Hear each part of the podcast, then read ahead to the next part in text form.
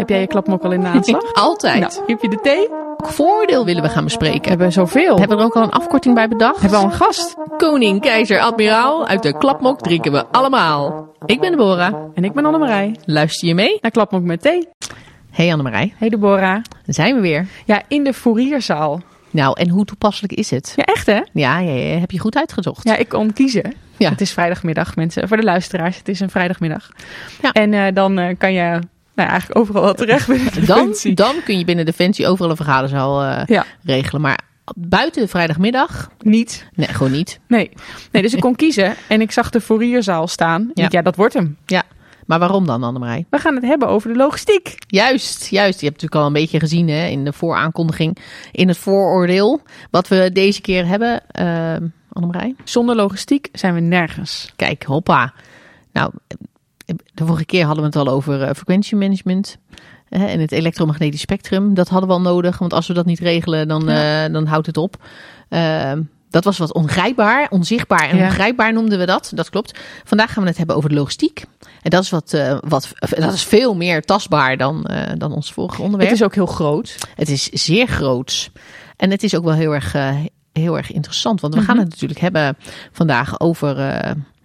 Ja, in het kader van warfighting, hè, wat we met, uh, waar, we naartoe uh, aan het werken zijn uh, als, als defensie eigenlijk. Ja. Uh, ja, en hoe doen we dat nou logistiek? Hoe gaan we dat nu ondersteunen? Want eigenlijk, als je een beetje terugkijkt in de historie, Annemarij, wanneer is nou eigenlijk voor het laatst dat we een grootschalig conflict hebben gehad op Europees grondgebied? Nou, dan denk ik aan de Tweede Wereldoorlog. Ja. Of ja, de Koude en, Oorlog en, misschien wel. Je bedoelt voor Oekraïne? Voor Oekraïne, ja. Ja. Ja, ja, ja. Ja. nou, dat vind ik, dat vind ik nogal, uh, dat is al lang geleden. Dat is heel lang geleden. Hebben wij niet meegemaakt. nee, dat hebben wij niet meegemaakt, nee. maar precies, ook die ervaring hebben wij natuurlijk niet meer. Nee, en natuurlijk was er de Koude Oorlog, hebben, was het voorbereiden wel heel groot. Ja, He, ja de, waren we in staat om. Ja, maar uh, dat is ook alweer een tijdje geleden. Ja, nee, precies. We hebben ondertussen hebben we ons gefocust op, uh, op, op verschillende hoofdtaken. Hè. Defensie kent natuurlijk drie hoofdtaken. Annemarie, is even een testvraagje. Wat zijn die drie hoofdtaken van Defensie? De bescherming van het eigen en bondgenootschappelijk grondgebied. Ja, dat is hoofdtaak 1. De uh, bescherming van de internationale rechtsorde. Oeh, hoofdstuk 2. En uh, de uh, bijstand, ondersteuning, humanitaire hulp, et cetera. Juist, precies. De drie hoofdtaken. En die twee laatste, die hebben in de afgelopen jaren hebben daar nou toch wel uh, de nodige aandacht aan, uh, aan, aan geschonken. Maar nu, uh, met de dreiging natuurlijk vanuit, vanuit, vanuit het oosten, mm -hmm. zie je toch dat de focus op hoofdtaak 1 gaat zitten. En dan hebben we het natuurlijk met name over het beschermen van het NAVO-grondgebied. Ja. ja, en die bondschappelijke. Ja, en die, die ontwikkeling is dusdanig dat we misschien over een tijdje helemaal niet meer over hoofdtaken spreken. Oh, dan gaan de ja, hoofdtaken ook nog. Ja. ja. Het maar de vraag of we dat zo houden hoor, met die hoofdtaken. Ja, dat ja. zijn het is ook een eigen keuze geweest. Hè? Het is helemaal niet in de grondwet hè, dat er hoofdtaken staan. Nee, het is niet formeel. We hebben, we hebben dat zelf bedacht in een defensie. zelf aangedaan. Ja. oh, wat interessant. Ja, ja. En, en inderdaad door, de, door hoe we nu bezig zijn met ja. uh, hoe we de krijgsmacht inzetten, ja. is de vraag of het wel zo goed is dat we die, dat hebben opgesplitst in drie hoofdtaken. En, ja. uh, dus oh, het kan best zijn dat als iemand dit oh. over een hele tijd terugluistert, deze aflevering, oh. en denkt, huh, hoofdtaken, hoofdtaken, we hebben maar geen hoofdtaak. Maar wat, wat een interessante spin-off ineens, uh, ja. en dat in de intro. Ja, lekker Ja, hè? wat leuk, wat spontaan. Ja, ja, helemaal niet afgesproken. Nee, ik heb gelijk heel veel vragen. ja, ja dat doen we andere keer, andere keer. De aflevering helemaal niet over. Nee. Maar ik vind, het wel, ik vind het wel heel interessant. Um, want ja, we hebben ons natuurlijk in de afgelopen jaren hebben een bepaalde focus gehad. En die focus begint nu een beetje te verschuiven. Um, ja, naar, naar de voor warfighting op logistiek vlak. Ja. Um, dus we hebben een mega logistiekeling gevraagd voor vandaag. We Absoluut. hebben het wel eens over de mega infanterist. Nee, maar dit, dit is uh, ja, dit, dit, dit maar, topt niemand. Nee, precies. op het gebied van de logistiek hebben we echt uh, de generaal vandaag in de aflevering. Absoluut. Um, ja, gaan we er al naartoe? Ja, Wilde je nog iets anders zeggen? Ja, maar dat heeft nu helemaal geen zin meer, Annemarij. Oh, want we zijn al helemaal begonnen met het aankondigen van onze gast. Dus, uh... ja, dan doen we het straks nog even wat je nog wilde zeggen. Ja, we hebben alle tijd. um, nou, ik, we gaan lekker luisteren. En uh, hier komt ze. Nou, we zitten vandaag met brigadegeneraal Nicole de Wolf. De studiemandaathouder Land Support Enabling. Hoppakee. Dat is nogal een mond vol. Dat is zeker een mond vol. Ja, waar ben je nou eigenlijk van? Waar ben ik nou van? Soms begin ik me nu af te vragen, waar ben ik niet van? Ah. uh, maar uh, uh, waar, ik, waar ik over na mag denken voor de landmacht, is hoe wij onze landgebonden gevechtscapaciteit gaan inzetten binnen de NAVO-plannen die nu weer voor de verdediging van het bondgenootschappelijk grondgebied worden gemaakt.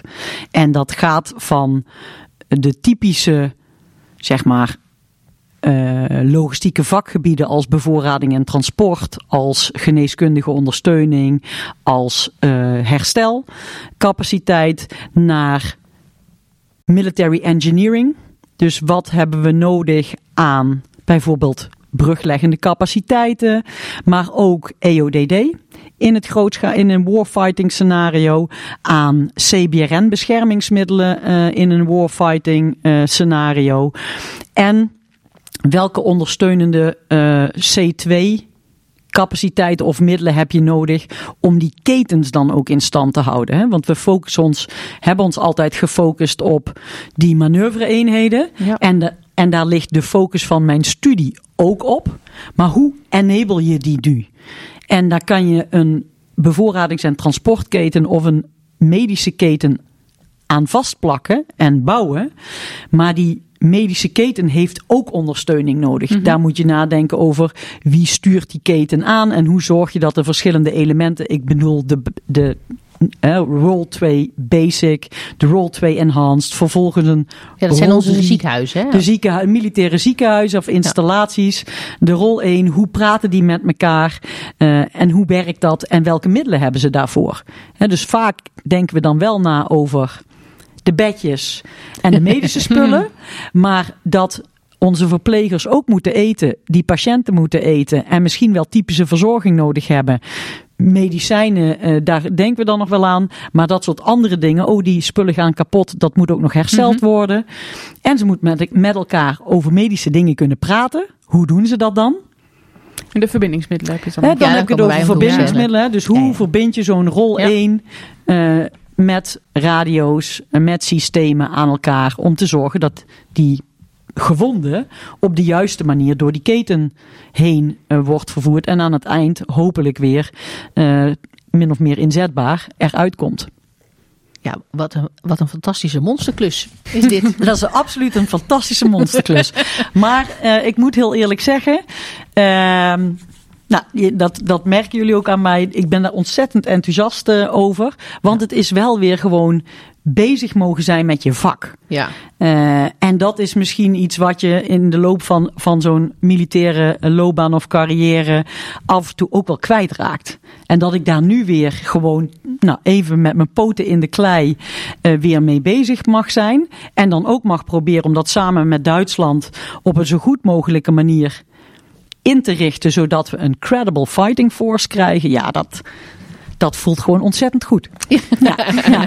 ja dat is ook te zien. Ja, ja, precies. Wat stralen. Ja, en, en samen met Duitsland, kan je dat verder toelichten?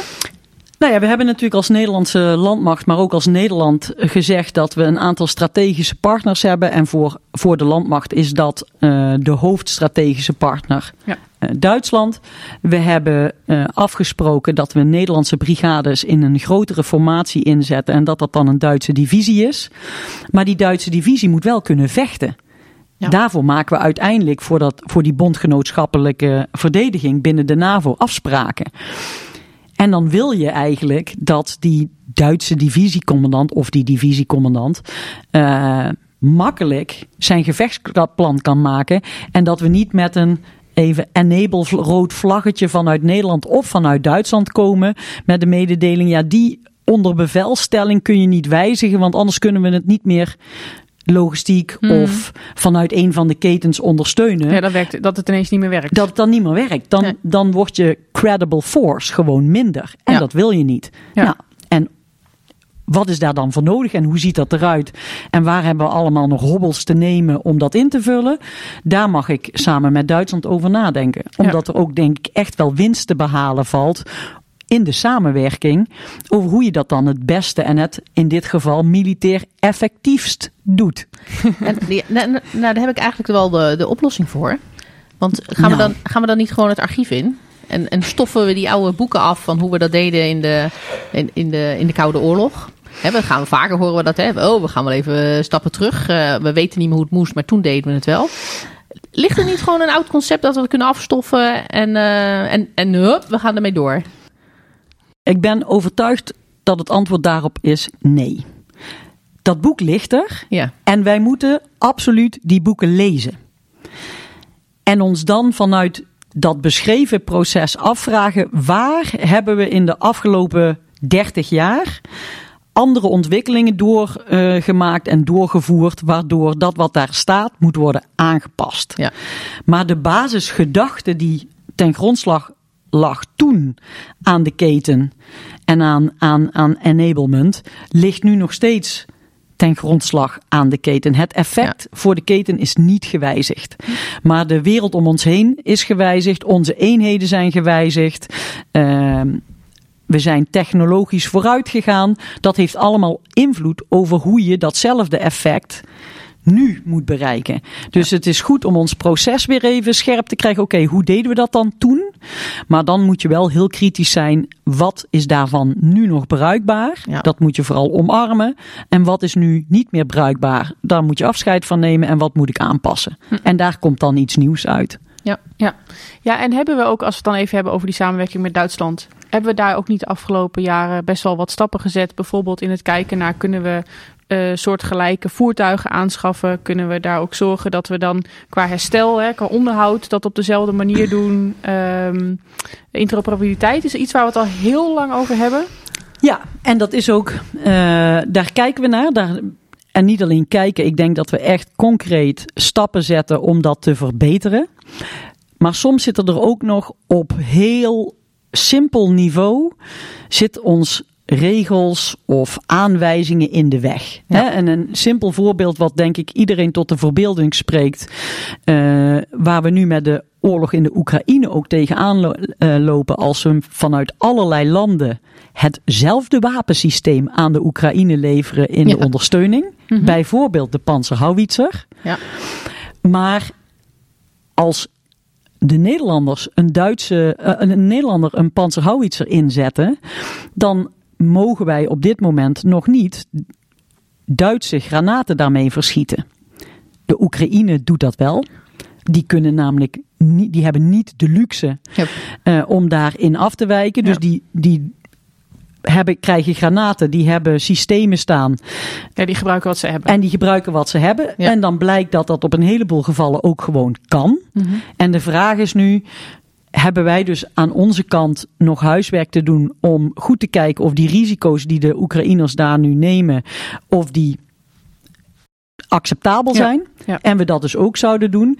En waar zitten bijvoorbeeld in het testen en het goedkeuren van munitie beperkingen eh, die we kunnen opheffen. Dat bijvoorbeeld we als Nederland en Duitsland gaan zeggen: als een 155 mm granaat is goedgekeurd door de Duitse munitieautoriteit, eh, dan mogen wij hem gebruiken. En als ons munitiebedrijf een Nederlandse aangekochte 155 mm granaat heeft goedgekeurd, dan mogen de Duitsers die ook gebruiken. Ja, want in Ja. sommige gevallen komt die granaat ook nog gewoon uit dezelfde fabriek. Ja, Dus- ja, ja. Ja. Hè, maar soms hebben we ook onze systemen, nadat we ze in ontvangst hebben genomen als land, met modificaties net even laten afwijken. Dat zit dan misschien niet zozeer in bijvoorbeeld het gebruik van de munitie, maar in de vuursteun aansturing. Dus hoe krijg je je doelen aanbod? Eh, nou, dat kan in, in sommige gevallen door andere software die je eh, in je systemen hebt zitten net even afwijken. Dus daar moet je goed naar kijken.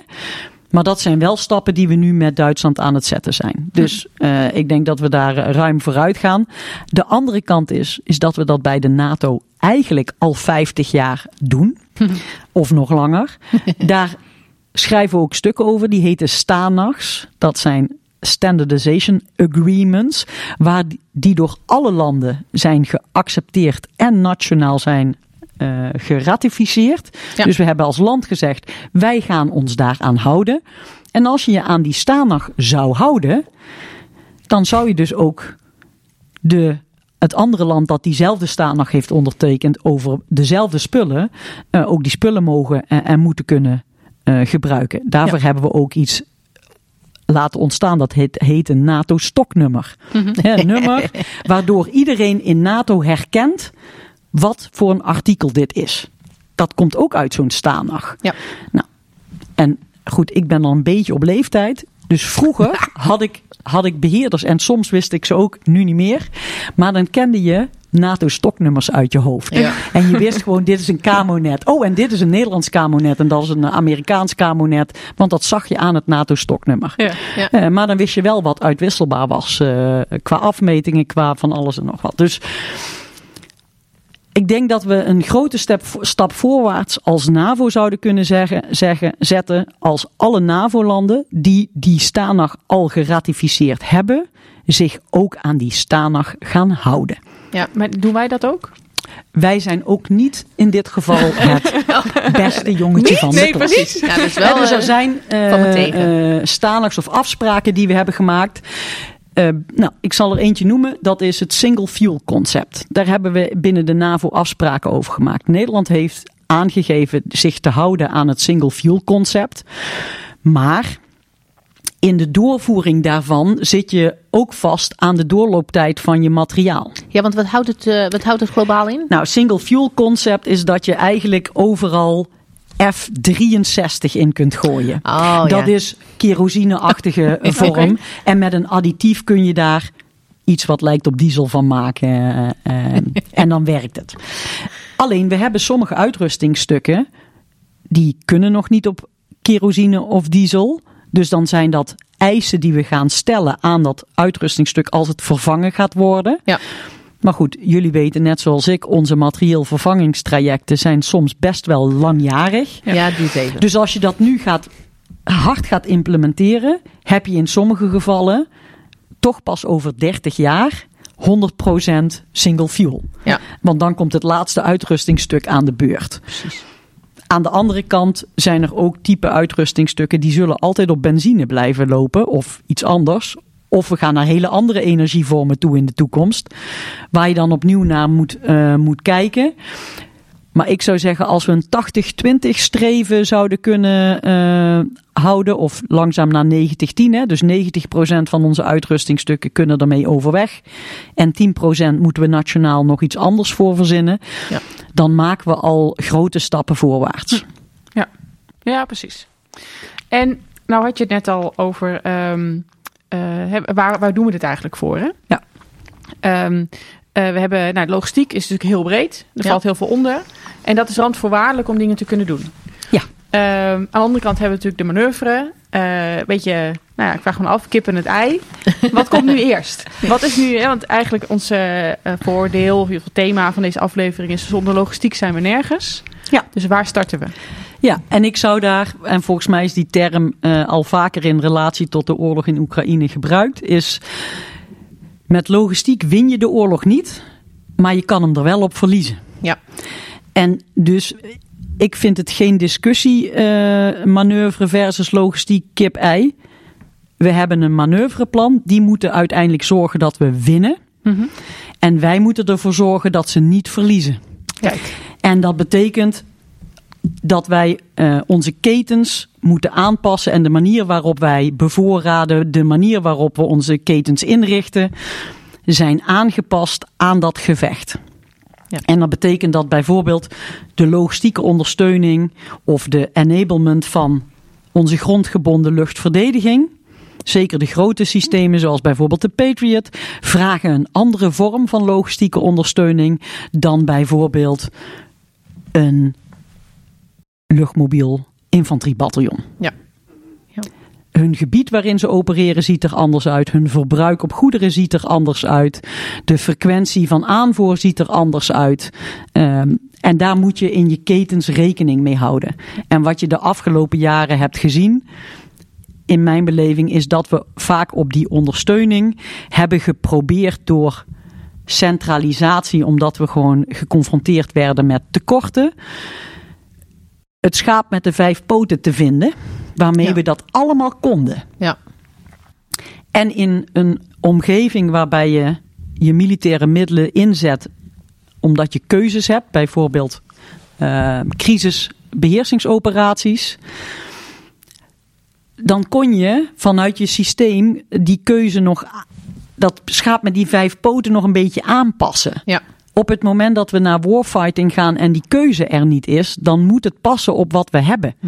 Ehm, en dan heb je niet de ruimte en niet de tijd om daar, nou ja, misschien wel met heel veel mankracht of met eh, meer middelen dan eigenlijk effici- efficiënt zou zijn, die logistiek eh, in te richten. Ja. Nou, dus dat denk ik dat nu aan het veranderen is. En dus moet je opnieuw kijken naar, oké, welke vorm van gevechtskracht ga ik inzetten?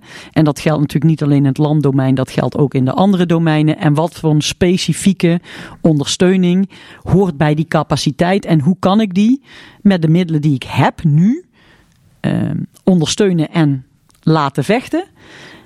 En wat moet ik misschien doen om dat in de toekomst steeds beter te kunnen?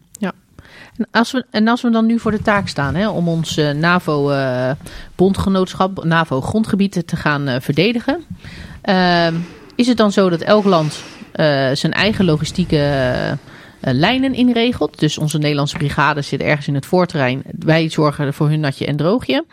Eh, of moeten we dat op een hele andere manier zien? Want ik, ik kan me zo voorstellen dat het in Duitsland mega chaotisch wordt als, eh, als iedereen eh, zijn spullen naar eh, voren gaat Met, brengen. met al die lange lijnen. Met al die lange lijnen. Nou ja, maar we hebben die beelden gezien in het begin, eh, het begin van, de, van, de, van de oorlog met, tussen Rusland en Oekraïne. Zagen we natuurlijk die enorme konvooien van Rusland stilstaan.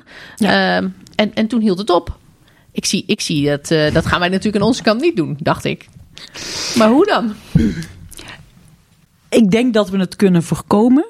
Maar dan moet er wel nog het een en ander gebeuren. Ja. En eh, binnen de NAVO zijn we nu natuurlijk die plannen ook weer opnieuw aan het bekijken.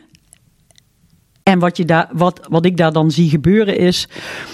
Tot voor kort was eigenlijk zonder uitzondering iedereen ervan overtuigd. En dat stond ook en dat staat nog steeds in de huidige NAVO-plannen. Dat logistiek is een nationale verantwoordelijkheid. Ja, Nu, en voor mijn studie heb ik gezegd ja, dat klopt. Het is een nationale verantwoordelijkheid. Dat is iets anders dan alles met je eigen militaire nationale middelen invullen. Nee, ik heb als land de verantwoordelijkheid dat mijn troepen hun ondersteuning krijgen. ja, Maar dat kan voor een deel eventueel ook met een civiele partner zijn. Dat kan met een militaire partner zijn, bijvoorbeeld een ander land, waardoor je schaalwinst behaalt. ja. En je merkt ook in de NAVO dat we er nu achter komen met het invullen van de plannen.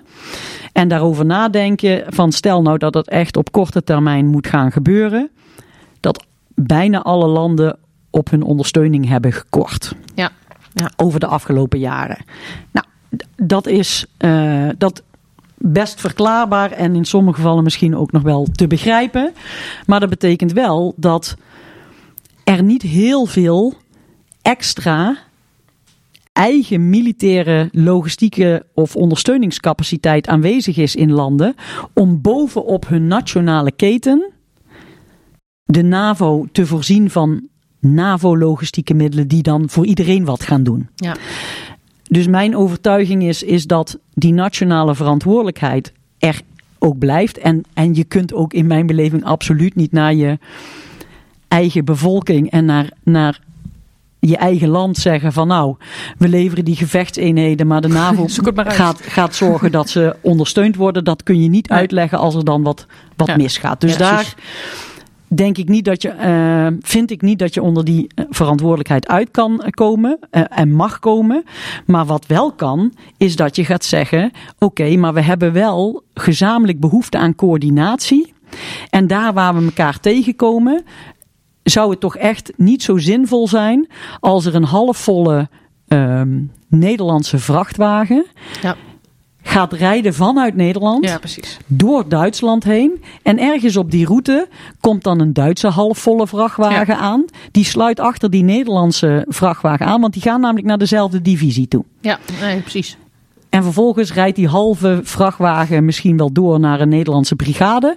Of in dat divisiegebied roept de divisie: hé, hey, maar wat er op die Nederlandse vrachtwagen staat, dat moet, eh, dat moet deels naar die Duitse eenheid. En dat wat op. Nou, dan zou je zeggen, ik maak een keten waarbij ergens ik zorg dat die Nederlandse vrachtwagen, als voorbeeld, naar die Duitse locatie rijdt waar die andere halve lading staat, die oppikt en ze gezamenlijk er één vrachtwagen doorrijdt. Ja. Ja. En vervolgens dan misschien wel weer op kleinere distributiemiddelen verspreidt naar een Duitse en een Nederlandse eenheid. Dus dat soort ideeën, die zullen we gecoördineerd binnen de NAVO gezamenlijk beter moeten gaan oppakken. Omdat ik echt de overtuiging heb dat we op dit moment zonder die coördinatie allemaal tekort komen. Ja. Eh, en wat ik dan vanuit Nederland mag doen en voor de Nederlandse landmacht mag doen, is heel specifiek met Duitsland kijken, los van de NAVO-samenwerkingsverbanden die er gegarandeerd ook achter zo'n divisie gaan ontstaan, is dat Duitsland en Nederland in ieder geval die gezamenlijke verantwoordelijkheid gaan voelen en gaan invullen. Ja. Ja, Ja, precies. Dat dacht ik al. Want het- ja, dat is juist het land bij uitstek waar we dan inderdaad dingen mee samen kunnen gaan afspreken. Alleen al omdat eenheden geïntegreerd zijn. Ja, en wat ik dan ook wel interessant vind, hè, als ik dit dan zo hoor, denk ik, nou, er zijn volgens mij heel veel eh, civiele bedrijven die, eh, die dit op dit moment eh, dagelijks aan het doen zijn. Weliswaar in andere omstandigheden, hè, waarin alles, eh, waar alles natuurlijk nog eh, prima gaat en eh, de wegen nou, hoogstens met files eh vollopen omdat het verkeer eh, niet, eh, niet meewerkt. Maar is, is, is dat iets wat we, wat we meenemen? Is dat de ervaring die we aan het opdoen zijn? Is dat, gaan we van elkaar leren? Of hoe, hoe doen we Zeker. dat? Ehm, en ik denk op een aantal gebieden. Eén is dat we in Nederland, en dat hebben we al opgezet, en we zijn nu met de markt bezig om dat ook te gaan invullen. Dat heet het ecosysteem logistiek. Dat is een samenwerkingsverband. Een strategisch samenwerkingsverband tussen de Nederlandse krijgsmacht of de Nederlandse defensieorganisatie en grote civiele logistieke dienstverleners die aangeven dat zij capaciteiten kunnen leveren eh, wanneer dat nodig is, wat zij kunnen leveren en wij gaan met hun om de tafel zitten. Oké, en wat als het nou echt fout gaat? Kunnen we garanties krijgen? Ja. Hoe ziet die garantie er dan uit? En wat gaat die garantie ook kosten? En ik Ja. denk namelijk ook dat we ons mo- moeten realiseren, ondanks het feit dat ik een heleboel bedrijven ook spreek die echt die veiligheid natuurlijk voor hun eigen overleven als bedrijf ook nodig hebben. Ja. Ehm, die zich daar ook voor willen inzetten. En niet wat we soms ook nog wel eens denken. Ja, maar die zitten er alleen maar om winst te maken. Ja. Nee, zo'n bedrijf heeft natuurlijk wel gewoon een belang. Die moeten overleven. En er zitten ook mensen die gewoon salaris eh, eh, moeten krijgen Ja. voor werk. Maar in sommige gevallen wil je bij zo'n crisis of bij zo'n mogelijke oorlogssituatie ehm, wel garanties hebben. Nou, daarover zijn we in gesprek en ik denk dat dat eh, goed gaat. En de Duitsers hebben al aangegeven dat zij met ons mee willen kijken en eventueel dat we op termijn dat gaan uitbreiden naar ook Duitse bedrijven. Ja. Of dat de Nederlanders bijvoorbeeld het ecosysteem logistiek eh, gaan aanvullen eh, en de Nederlanders het Duitse ecosysteem maintenance gaan aanvullen. Ja, ja, Eh, of dat we dat gezamenlijk aanlopen. Dus daar zie ik dat. En waar je, denk ik, op dat vlak goed kan, van kan leren, is naar, kijk naar de Oekraïne. En misschien als we. Ik ga dat boek afstoffen uit de kelder. Sterker nog, dat heb ik nog afgestoft. Maar toen kwamen we ook wel uit een tij- tijd dat we misschien aan de manoeuvrekant. Maar ook aan de logistieke kant dachten: de zandbak is leeg. Ja. Hè? Er woont Ja, niemand, er woont in, het niemand. gebed- Nee, in het gebied waar Ja. ik ga vechten. We kunnen alles doen wat we willen. Die weg ligt er voor mij. Nou, DHL. Ik denk, het heeft geen maand geduurd na de inval van de, eh, van de Russen. Reden de Oekraïense DHL-voertuigen Ja. alweer tot 30 kilometer ongeveer achter het front. Ja. Het is in mijn beleving dan ook niet realistisch om te veronderstellen dat als het op grootschalige wijze mis zou gaan op het Europees grondgebied, dat dat niet dan ook gebeurt. En dat mensen in Polen, de Baltische Staten, die gaan voor een deel misschien vluchten. Maar voor een groot deel ook gewoon niet. Dat is hun land, dat willen ze verdedigen en daar willen ze blijven. Dus daar blijft ook bedrijvigheid. Ja. Nou, en de vraag is hoe je samen met zo'n land, met NAVO als onze verdedigingsmechanisme, ook die bedrijvigheid kunt organiseren. En kun je dat soms aan de voorkant? Of kun je een afgewogen risico nemen dat het dan wordt ingevuld? En er komen een heleboel vragen eh, poppen dan op waarom het allemaal niet zou kunnen. Ehm, en die zijn terecht, die moet je ook eh, nagaan. Hè. Dan gaat het bijvoorbeeld over bijvoorbeeld Nederlandse dienstverleners. Waar Poolse chauffeurs op, op de voertuigen rijden. Ehm, vallen die Poolse chauffeurs onder een regeling dat ze voor de dienstplicht in, in, gemobiliseerd gaan worden Ja. vanuit Polen. En dus die auto laten staan en teruggaan naar Polen. Of niet? Nou, dat moet je uitvragen. Dan moet je achterkomen waar zitten die risico's en hoe ga ik met die risico's om. Maar ik denk dat er meer potentieel zit in de samenwerking met het bedrijfsleven. Ook in crisistijd en in oorlogstijd. eh, dan dat we nu mogelijkerwijs rekening mee houden. Ja. Nou, en daar moet je echt goed over nadenken. Eh, maar dan moet je ook bereid zijn, dat is in ieder geval mijn persoonlijke mening, eh, om daar, eh, om die samenwerking aan te gaan. En dat vertrouwen te geven dat het er dan ook zal zijn. Ja. Mhm. Ja, maar dat is zo. Dat, dat is, maar dat blijft natuurlijk altijd het hele lastige verhaal. Hè? Nu, natuurlijk altijd zorgen voor die wederzijdse afhankelijkheid, eh, zeggen ze dan. Hè? Dan is dat een beetje. ja, dan is dat een soort van ingedekt. Maar ja, je- ik, denk, ik, denk, ik denk dat we wel moeten. Want we hebben denk ik geen andere keus. eh, om, om dit te kunnen laten slagen als we, ervoor zeggen, als we zeggen we doen het allemaal voor zich. Dat, Klopt. Dat gaat niet werken. En daarnaast ook binnen onze eigen defensieorganisatie. Dat vergt wat van alle DO'en. Ja. Dus als je kijkt naar waar onze dienstverlening is, is ingericht, dan is er geen enkel DO die zonder een ander DO kan vechten. Ja. En wat we allemaal als zeg maar eh, primaire DO'en nodig hebben, is het is commit en het DOSCO. Ja. Daar zit zoveel ondersteunende capaciteit in. Daar moeten we gezamenlijk over nadenken. Wat als de defensiemachine zich in zijn totaliteit moet gaan richten op een grootschalig conflict? Wat betekent dat dan voor al deze organisatiedelen? en hoe ga je dat met elkaar eh, goed afstemmen? Ja. ja. Is dit allemaal onderdeel van de studie? Ik, ga, ik heb in de studie geschreven dat ik de koppelvlakken inderdaad beschrijf. Ja. Ehm, en dat betekent dat ik met alle DO eh, om tafel ga om één te kijken wat hun verwachting is van de ondersteuning die we met elkaar hebben afgesproken vanuit de landmacht. Hè, Het materieel logistiek commando van de landmacht heeft de assortimenten voor alle C-systemen en alle wiel, wielvoertuigen, zeg maar.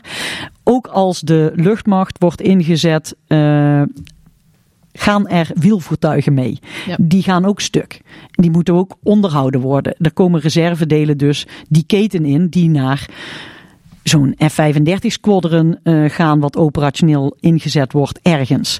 Of naar het helikoptercommando of naar eh, een marine of een marinierseenheid die die spullen bij zich heeft. Nou, dat soort dingen moet je dus met elkaar gewoon even goed nagaan. hey, van hoe sluiten wij nu op elkaar aan? Wij willen graag uit de Woensdrecht eh, verbindingsmiddelen en reservedelen op verbindingsmiddelen krijgen. Hoe doen we dat? Ja. Het DOSCO is denk ik een van de grootste dienstverleners eh, binnen onze eh, krijgsmacht. Ook voor alles wat straks op het Nederlands grondgebied moet gebeuren. Ja. Nou, daar zitten onze kazernes. eh, daar komen misschien ook wel in de NAVO-plannen partnerlanden door Nederland heen. Die hebben mogelijk ook ondersteuning nodig. Als dan alle opkoos bezig zijn met hun eigen gevechtskracht in te zetten in dat NAVO-verband. Dan moet je nadenken over welke capaciteit gaat dan die partnerlanden ondersteunen. Ja. Nou, Ja. En dat kan bijvoorbeeld vanuit zo'n ecosysteem. Je kunt ook nadenken over dedicated logistieke natres. Die bijvoorbeeld Ja. in Nederland dan, omdat ze al in een haven hebben gewerkt of op een eh spoorwegraccordement hebben gewerkt, in zo'n natreseenheid eh, kunnen worden geactiveerd. En die gaan dan in Nederland logistiek doen vanuit de militaire context. Ja. Hey, dit vind ik wel even interessant, hè? Want, want nu komen we ook een beetje op dat. eh, je hoort het de hele tijd een beetje door. We hebben, we hebben allerlei regelgeving. eh, Ja. Er zijn natuurlijk allemaal wetten. Dit mag wel, dit mag niet. Eh, we hebben natres. Maar als we zo'n grootschalig conflict ingaan, als we inderdaad in een warfighting scenario komen, dan in, ho- in hoeverre treedt dan, de, gaan we dan mobiliseren als Nederland? Hè, is dat iets wat, ja, kijk een beetje met schuin oog naar mijn juristen naast mij natuurlijk. Wat, wat kan dat? Want eh, dan, dan denk ik, nou, dan worden een heleboel problemen opgelost. Want dan heb je ineens een heleboel mensen. Want an- als ik dit allemaal hoor, hoe groot, hoe groot de plannen zijn. Maar ook hoe we de samenwerking gaan zoeken met, eh, met allemaal. Maar dat moet ook wel. Want we hebben zelf natuurlijk misschien niet alle spullen in huis. Op dit moment zeker Ja, niet. Daar zijn we echt eh, in weg. Die mensen die hebben we natuurlijk nog niet, hè? Nee, dat klopt. Dat klopt. Dat moet ook allemaal nog wel. Ja. Maar stel, stel je voor dat we in zo'n grootschalig warfighting scenario Ja. komen. Gaan we dan mobiliseren als Nederland? Nou, dat is een hele goeie. Waar we ook nog een aflevering over gaan maken. ja, dit is heel toevallig waar ik dagelijks eh, mee bezig ben eh, in, in wat ik dan weer doe. Nou ja, we moeten het toch eens inhoudelijk hebben over jouw werk. ja, toch, eigenlijk moeten we daar ook eens wat vaker over hebben. En dat zit hem dat natuurlijk ook eh, in afspraken die we Ja. interdepartementaal maken binnen de Nederlandse Rijksoverheid. Ja. Want dat moeten we ook niet vergeten. Defensie is niet als ministerie verantwoordelijk in zijn eentje Nee. voor de eh, veiligheid van Nederland. Dat zijn Dat we met de. Rijksoverheid als totaalapparaat. En elk departement heeft daar een rol in te spelen. Ja. En daar moeten we afspraken met elkaar Ja. over maken. Maar we moeten ons in sommige gevallen ook realiseren dat een aantal regels. Hè, dat dachten we misschien een paar jaar geleden ook. Er zijn ook nog wel wat regels bijgekomen. Oh, het is oorlog, alle regels gaan Ja. uit, alles kan en nu zijn, zijn alle problemen de deur uit. Ik ben ervan overtuigd, er blijft altijd een set aan regels bestaan. Ja. En dat kan gaan over nog steeds vervoergevaarlijke stoffen. Dat kan gaan over hoe we met mensen omgaan. Dat kan over van alles gaan. En wat we moeten vaststellen is waar de ruimte zit. Ja. Interdepartementaal. Dus welke regels vinden wij als Nederland die we te alle tijden overeind moeten houden? Daar kunnen wij van Defensie inbrengen. Oké, als deze regel overeind blijft te alle tijden, heeft dat de volgende consequenties. Ja. Want dan moet ik mijn systeem dus ook aanpassen dat ik altijd aan die regels kan voldoen. Hier zit wel ruimte.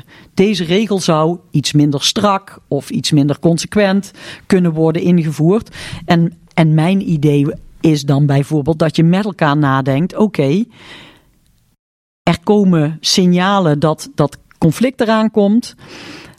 Dat wij aan de voorkant hebben nagedacht: oké, als deze dreiging zo hoog wordt, dan gaan we op deze regels naar noodwetgeving. precies. Hebben we een Ja, ja. uitzonderingsregel. Maar we weten aan de voorkant wat die is. En we moeten ons realiseren: het allerbelangrijkste, denk ik, is dat je altijd gehouden bent aan een set van regels.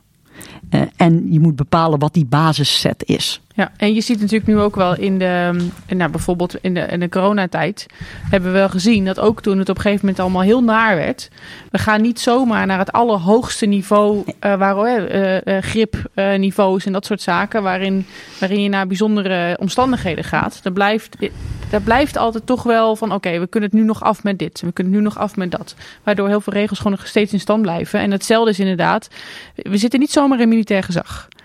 Ehm, en ehm, eh, er is nu ook een hele modernis- modernisering gaande van het, eh, van het nood- en crisisrecht. Dat is ook een van de dingen die eh, onder andere bij directiejuridische zaken natuurlijk, maar ook bij, eh, bij nationale veiligheid waar we naar kijken. Dus daar kunnen we het ook nog een keer uitgebreid over hebben. Ja, Maar- ik, Maar, als je, maar, dat is moet wel. maar dat is het leuk, eh, of het is helemaal niet leuk. Maar als je daar dus nu naar kijkt, van wat hebben we nu li- liggen, hè? wat is er nu en waarom moet het gemoderniseerd worden? Het gaat nu nog over het inkwartieren van paarden. En dat er genoeg stro en biks moet zijn. Hè? Want, want in die tijd is het geschreven. Ja, ja, ja. Eh, dus, dus dit zijn dingen die worden nu interdep- interdepartementaal tegen het licht gehouden. En ieder de- departement, sorry, departement is aan het kijken waar moeten wij nou, de regels eh, naar nu zeg maar ehm, eh, anders beschrijven. En, en wat moet er dan in staan? En Defensie doet dat ook. Maar hebben we dat al een beetje in Nederland? Die, eh, wat ik, ik, ik voel hier een beetje de whole of governance approach. Hè, dat we inderdaad als, als volledige overheid, rijksoverheid, verantwoordelijk zijn voor, voor deze taak. En ik denk natuurlijk altijd vanuit ons vakgebied, denk ik, nou wij begrijpen dit. Ik snap ik, logisch, dit moeten we al met z'n allen doen. Maar ik kan me zo voorstellen dat er departementen zijn die denken, ja, ja het is allemaal wel heel spannend. Maar eh, is, is die mindset overal hetzelfde? Zijn wij als Nederland nu, en ik denk misschien dat de ontwikkelingen hè, met de Oekraïne en zo, dat hadden we natuurlijk ook allemaal nooit verwacht dat het echt ging gebeuren. En dat is ineens wel heel erg dichtbij. Eh, hebben wij als Nederland die, die mindset? Kunnen wij onze mindset als van onze militaire mindset, komt dat een beetje...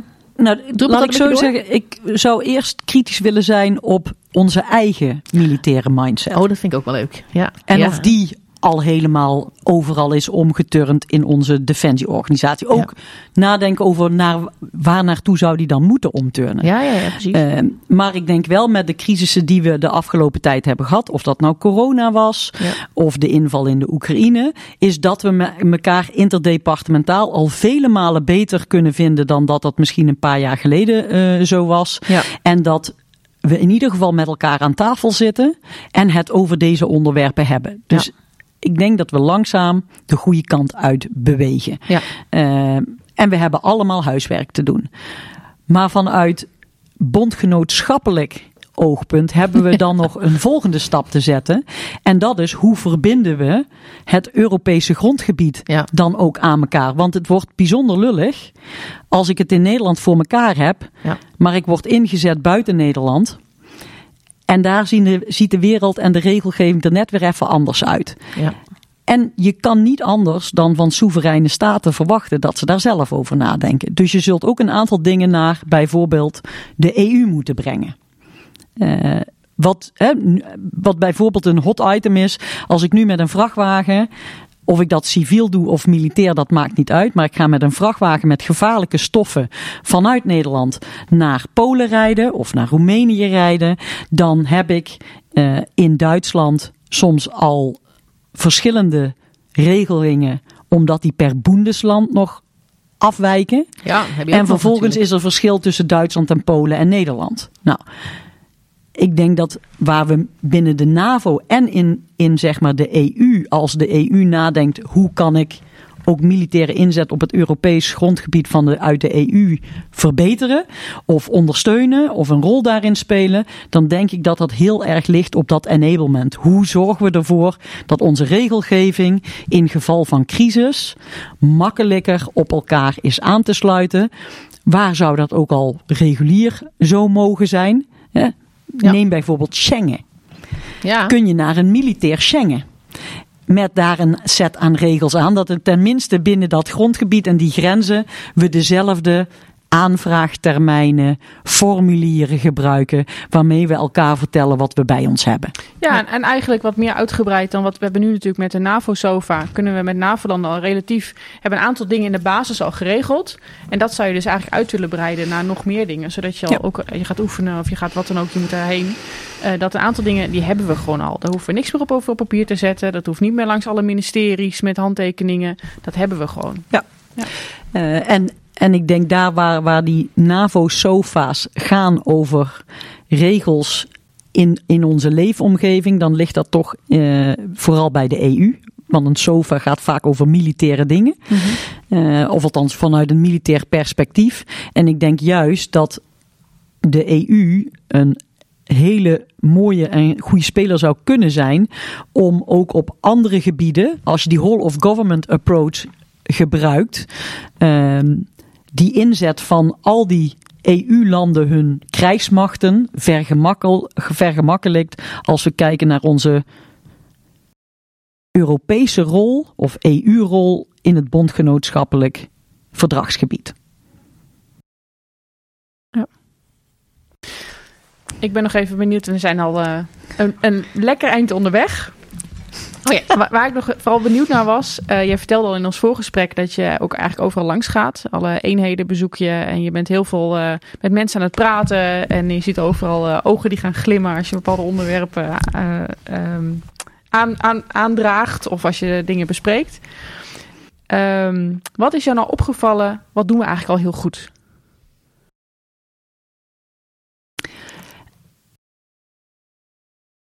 Wat we denk ik heel goed doen is eh, de switch maken naar nadenken over wat betekent warfighting nu voor ons. Overal waar ik kom en waar ik spreek, eh, krijg ik terug dat mensen daar echt mee bezig zijn van wat betekent dat nu voor mij.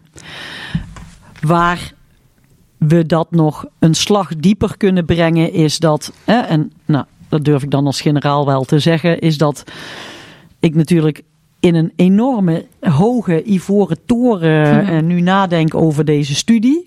Maar de winst in mijn beleving zit uh, aan de basis van die toren. Namelijk gewoon bij de enkelvoudige groepscommandant, soldaatcorporaal, sergeant distributie. Mensen in een, uh, in een ODB-groep, dus, dus de SMOT, de sergeant onderhoudsdiagnosticus, een afvalgroep van de geneeskundige dienst. Van joh, nadenken op dat niveau, wat is mijn rol in, in, in die tactische setting van die manoeuvre-eenheid? Zij zitten ook het dichtst op die manoeuvre-eenheid. Die zijn nu zwaar hun gevechtstechnieken weer aan het herontdekken in dat grootschalig conflict. En wij moeten met z'n allen uh, op dat werkvloerniveau onze tactische rol weer herontdekken. Hoe ziet dat eruit? Wat doe ik als ik echt zo'n gevechtskompie aan het bevoorraden ben? Wat is mijn rol? En wat heb ik daarvoor nodig? Heb ik dat? En als ik het niet heb, nou, dan hoop ik dat soort dingen op te halen van hé, hey, daar moeten we wat aan doen. En ik zie echt de winst en de versnelling over het krijgen van gevechtsgereden eenheden zit voorin in de keten. En ik noem dat dan in mijn studie. Ik denk van oost naar west. Dat betekent de begin op het kompiesniveau. Daar zit een sergeant distributie voor de BNT-keten. Daar zit een smotgroep. Daar zit een afvoergroep. Hoe kijkt die nu naar de keten? Van wie krijgt die bevoorrading? Bij wie moet hij zijn als er iets in zijn keten niet klopt? En zo stapje voor stapje die keten door naar het westen. Omdat ik daarnaast denk dat hoe verder je naar het westen komt, qua dreiging uh, en qua middelen, je meer flexibiliteit hebt in hoe je dat invult. Maar daarvoorin, daar moet het kloppen. Ja. Want als het daar niet klopt, even gechargeerd zit, dat klinkt dan altijd heel veel, maar dan gaan mensen gewoon dood. Ja. Ja. Uh, ja. ja, daar heb je de tijd niet meer om nog even te kijken hoe we het gaan doen. Nee. En daar heb je ook niet uh, heel veel alternatieven. Daar moet het kloppen ja. met wat je er naartoe gaat. Want voordat je het ge, zeg maar gerepareerd hebt, is het te laat. Ja, precies. Ja, ja. ja die luxe is er niet. Nee. Nee. Helemaal duidelijk voor mij.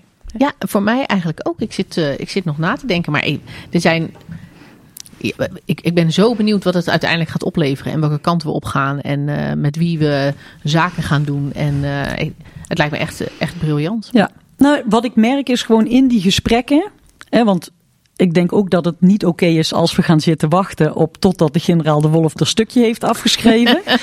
Want dat nee. gaat ook niet het uh, duizend dingen doekje zijn die alles oplost. Nee.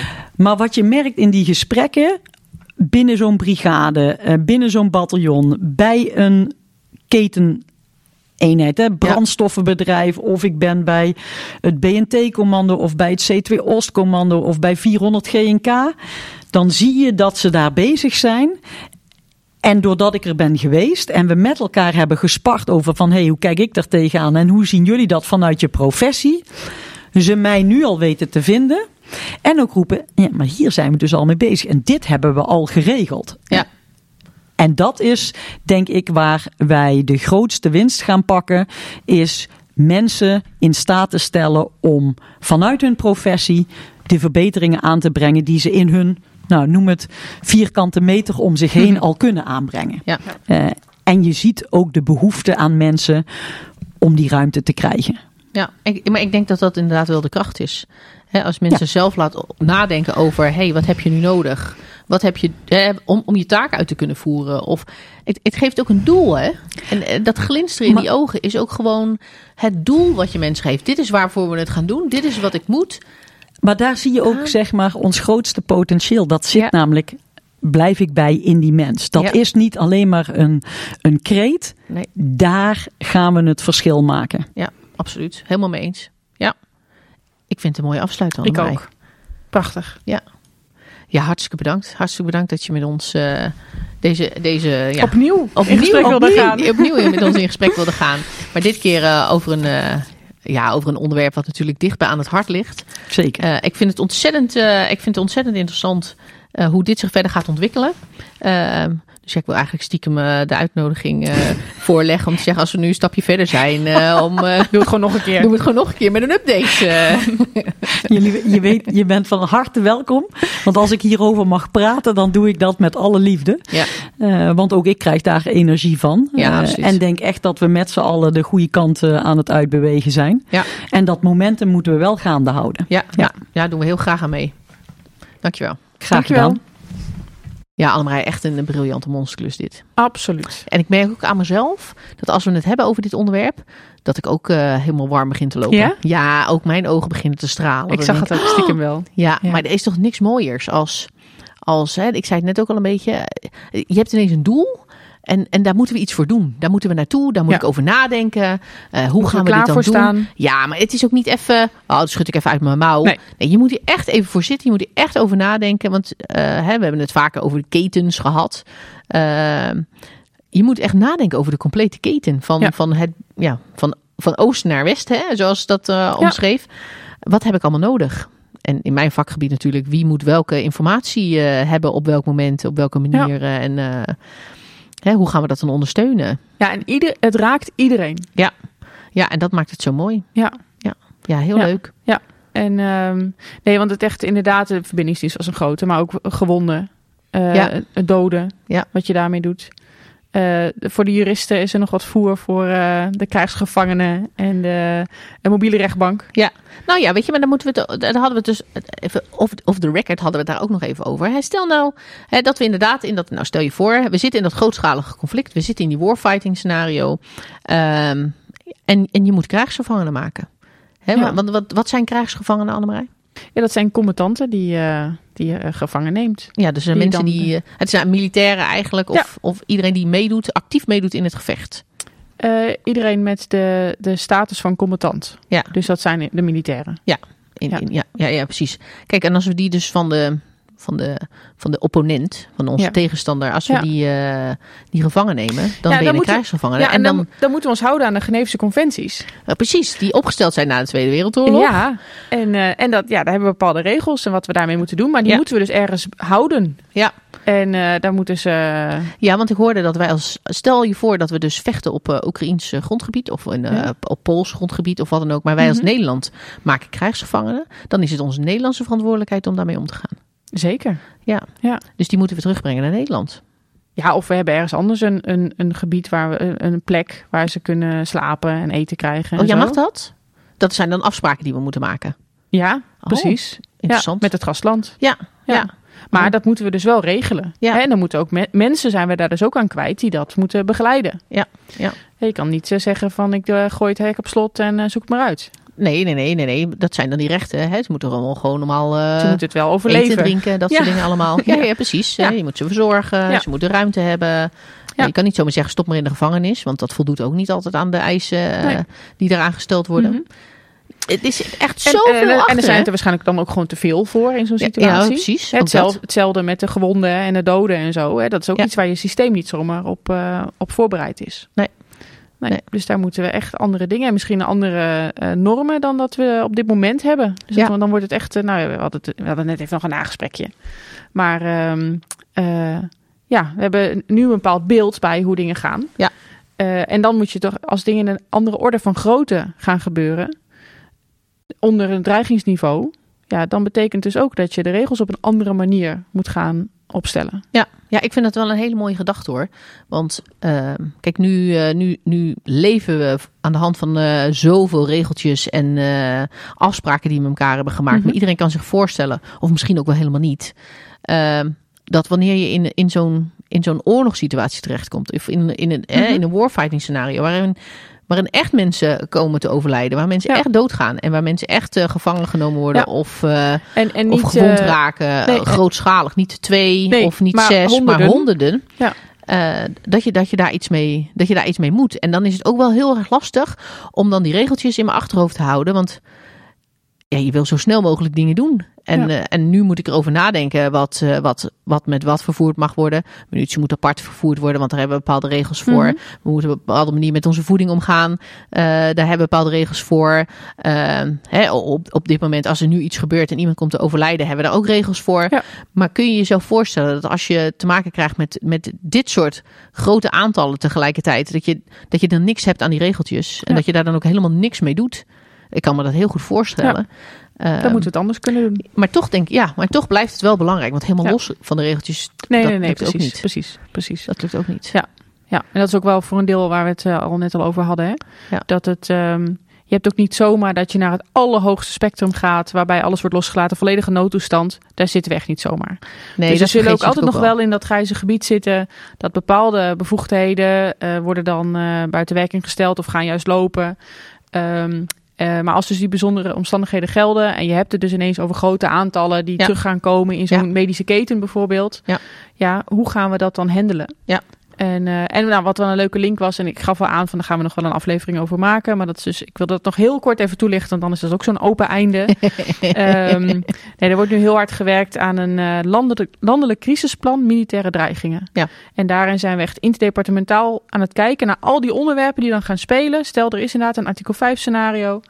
En eh, hebben we het over, over de logistieke keten, de geneeskundige keten, eh, de continuïteit van de samenleving. Nou, zo nog een aantal van dat soort grote onderwerpen. Ja. Oké, wat spreken we dan af met elkaar? Wie gaat wat doen? Wie is waarvan? Als wij eh, als, als Defensie heel hard aan het vechten zijn ergens, er zijn heel nou, weinig militairen meer over om ook nog bijstand te gaan verlenen in Nederland. Ja. Hoe gaan we dat dan oplossen? Ja, ja, precies. Eh, zodat ook de civiele partners snappen van oké, misschien hebben we niet meer die militairen die allemaal dingen gaan doen. Dus we moeten dat misschien op een andere manier gaan inrichten. Ja, ja. Ehm, ja dus dat is echt eh, heel nodig om hierover na te Ja. Heel interessant. Ja, nou, ik denk dat we zo wel meer van die spin-offs gaan krijgen. Ja. Over, hè, op het moment dat we hier natuurlijk over na moeten gaan denken. Over dit soort eh, hè, Ja. warfighting eh, Ja. scenario's. En wat betekent dat dan eigenlijk? Precies. Er zit best wel interessant voer nog tussen. Zeker weten. Zeker. Ja. Ehm, voor nu, Annemarij. Hebben we er genoeg, genoeg over verteld? Nou ja, ik denk dat we de, zonder logistiek zijn we nergens. Nou, ik Dat denk kun je wel we- stellen. Ja, Maar ik vond een mooie li- one-liner van, eh, van de generaal. Je kan met de logistiek niet het gevecht winnen. Maar zonder de logistiek kun je het wel verliezen. precies. Ja. Een waarheid als een koe. Dat bedoel ik. Annemarij, tot de volgende keer. Tot de volgende keer.